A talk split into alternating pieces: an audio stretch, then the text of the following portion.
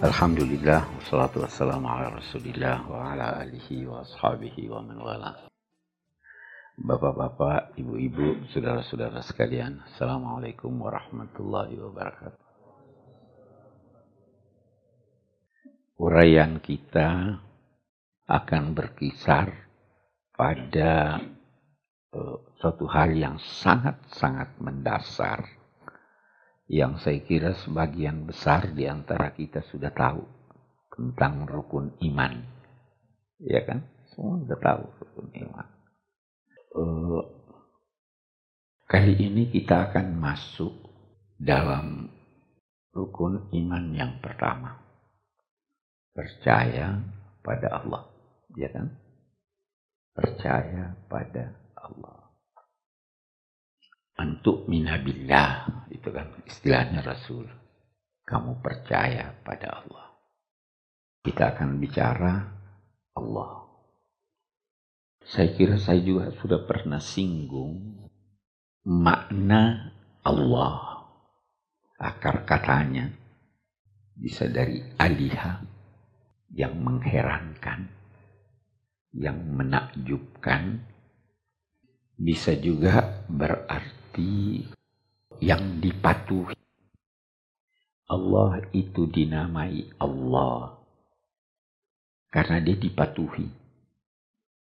Allah itu dinamai Allah karena semua ciptaan dan perbuatannya menakjubkan. Kalau Anda tidak takjub, maka bisa jadi ketidaktakjuban itu disebabkan perbuatannya. Ketidaktakjuban itu disebabkan karena sudah terbiasa. Saya beri contoh. Uh, uh, saya melempar ke atas, lantas jatuh. Menakjubkan atau tidak? Takjub atau tidak? Sudah tidak. Melempar ke atas, lantas dia lari ke atas. Menakjubkan. Jadi terkadang karena kita sudah terbiasa dengan sesuatu, sudah hilang ketakjuban kita.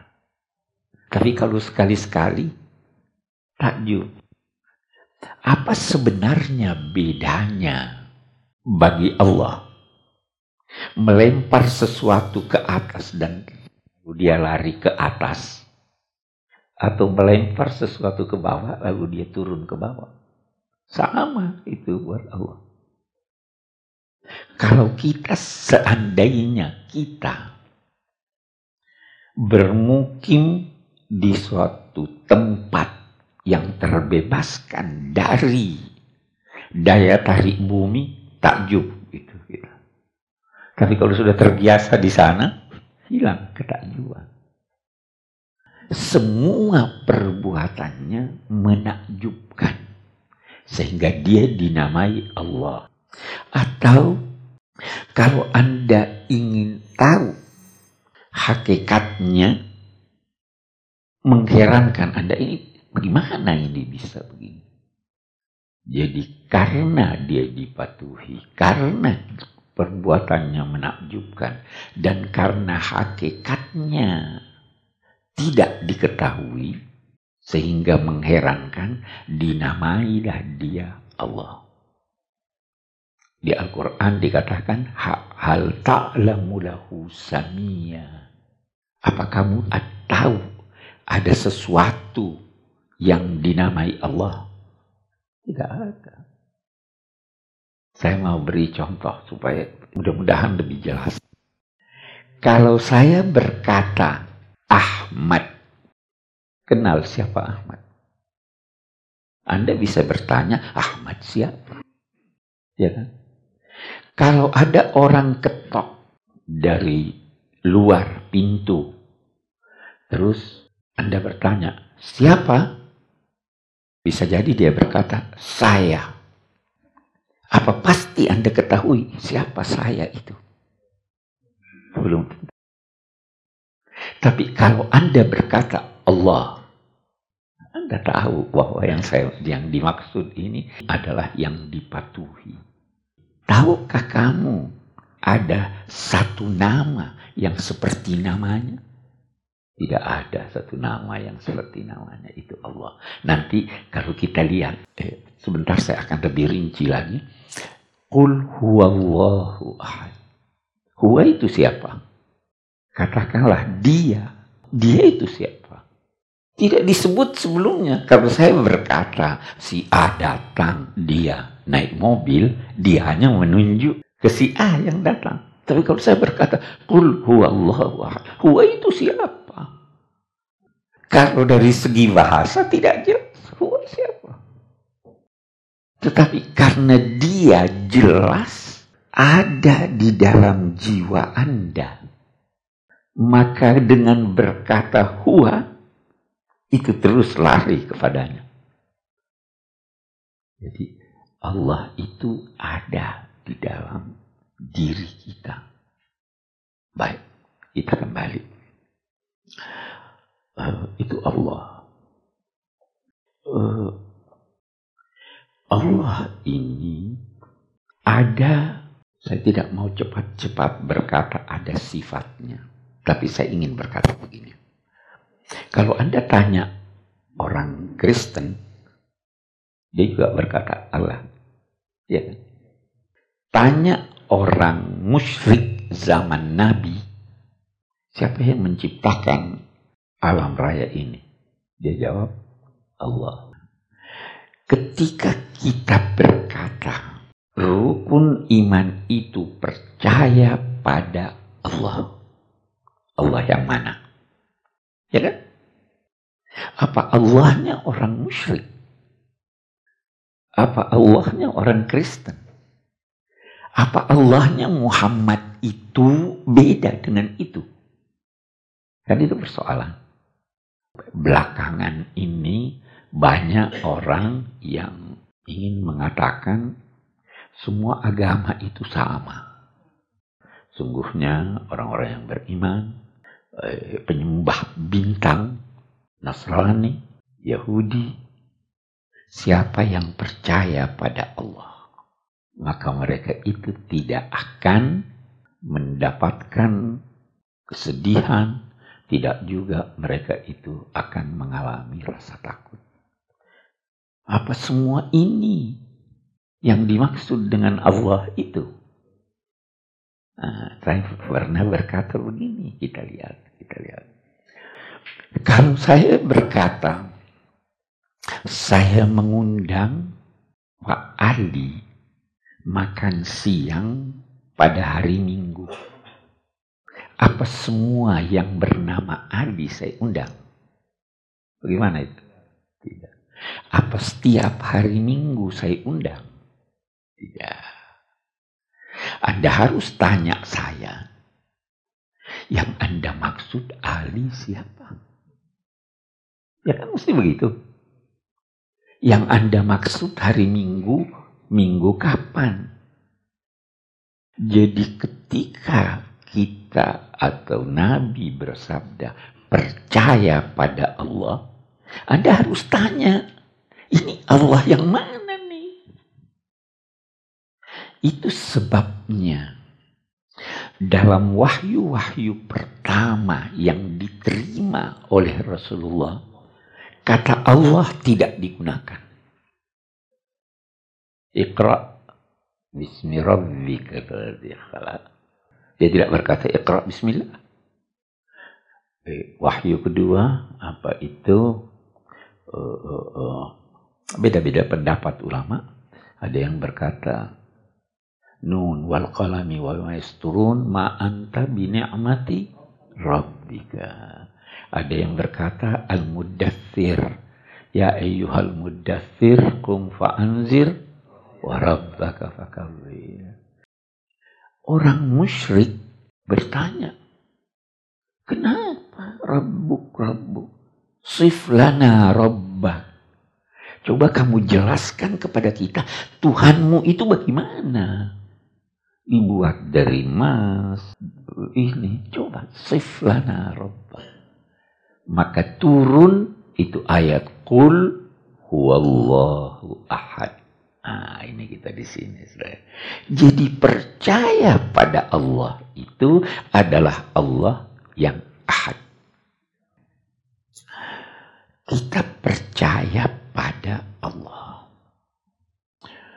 Allah yang kita percayai ini kita kagumi ciptaannya, kita patuhi, tetapi kita tidak bisa ketahui hakikat zatnya.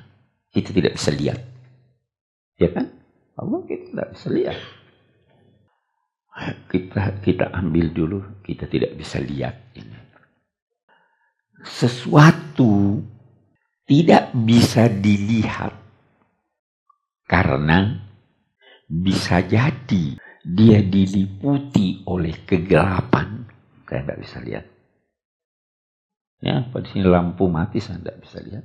Bisa jadi juga karena terlalu terang. Kelelawar tidak bisa melihat di siang hari. Karena matanya tidak mampu melihat sesuatu yang terlalu terang kita habis menatap matahari, mata kita berkunang bisa enggak? Bisa enggak?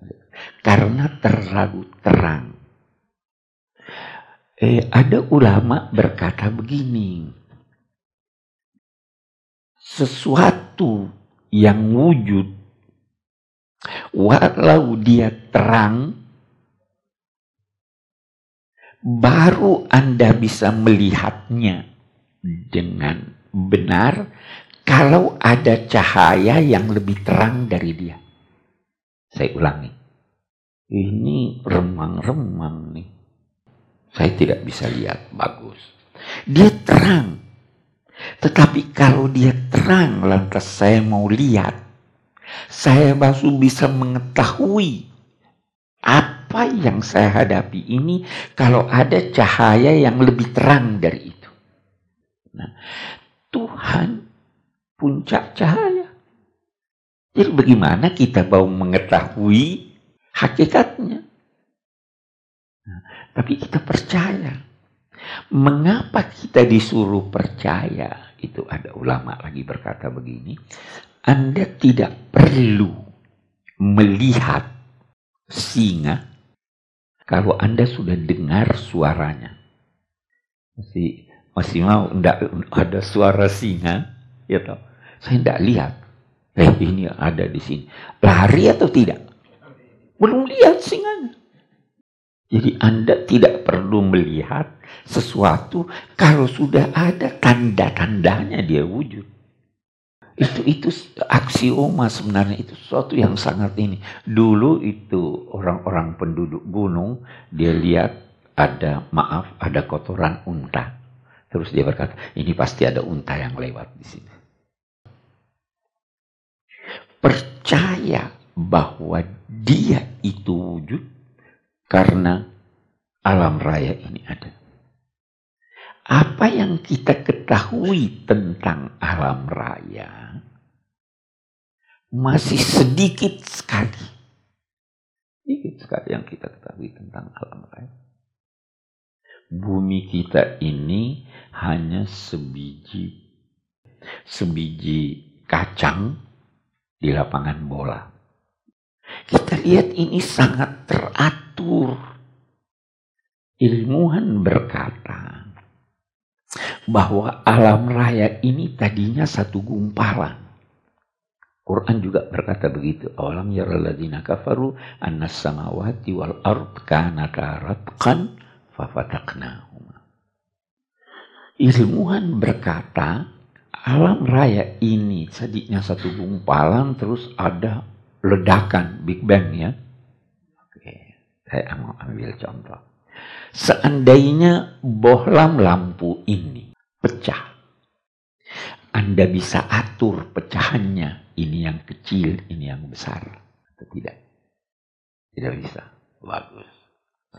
Anda bisa atur bahwa dia bergerak lagi semua.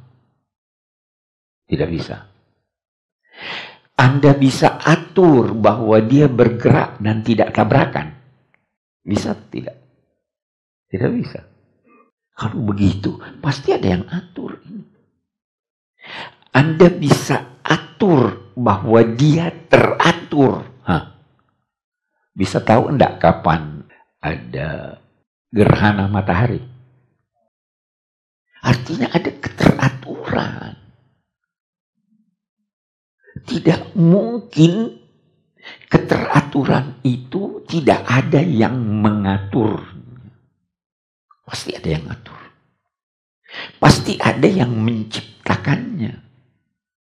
Karena tidak mungkin ada wujud yang tidak ada penciptanya. Am khuliqu min ghairi syai'in am humul khaliqun. Apa mereka diciptakan dari sesuatu yang tiada? Atau mereka yang menciptakan diri mereka sendiri? Tidak mungkin. Pasti ada penciptanya. Nah, itu biasa lantas ada orang berkata begini. Siapa yang menciptakan Tuhan? Ya kan begitu pertanyaan biasa. Anak-anak kita biasa tanya. Yang menciptakan Tuhan. Kan semua ada penciptanya. Kalau anak-anak, saya beri dia jawaban begini.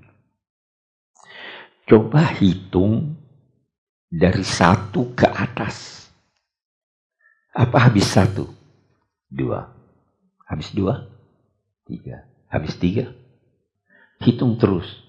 Kuat enggak dia hitung terus? Akhirnya dia apa? Dia berhenti. Ya kan? Kalau dia berhenti, ah waktu kamu berhenti itu, di situlah Tuhan. Itu kalau eh, filosof berkata itu tidak ada itu rantai yang tidak berakhir. Pasti berakhir.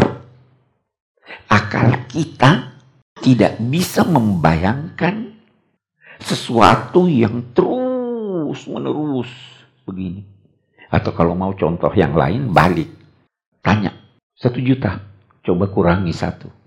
999 ribu. Kurangi satu lagi. Waktu dia sudah sampai satu, kurangi lagi. Nol. Kurangi lagi. Nggak bisa lagi dikurangi. Jadi tidak ada, istilahnya itu tidak ada. Berurutan itu. Harus berhenti. Dan ketika berhenti itu, di situlah kata-kata, itulah Allah itulah Tuhan.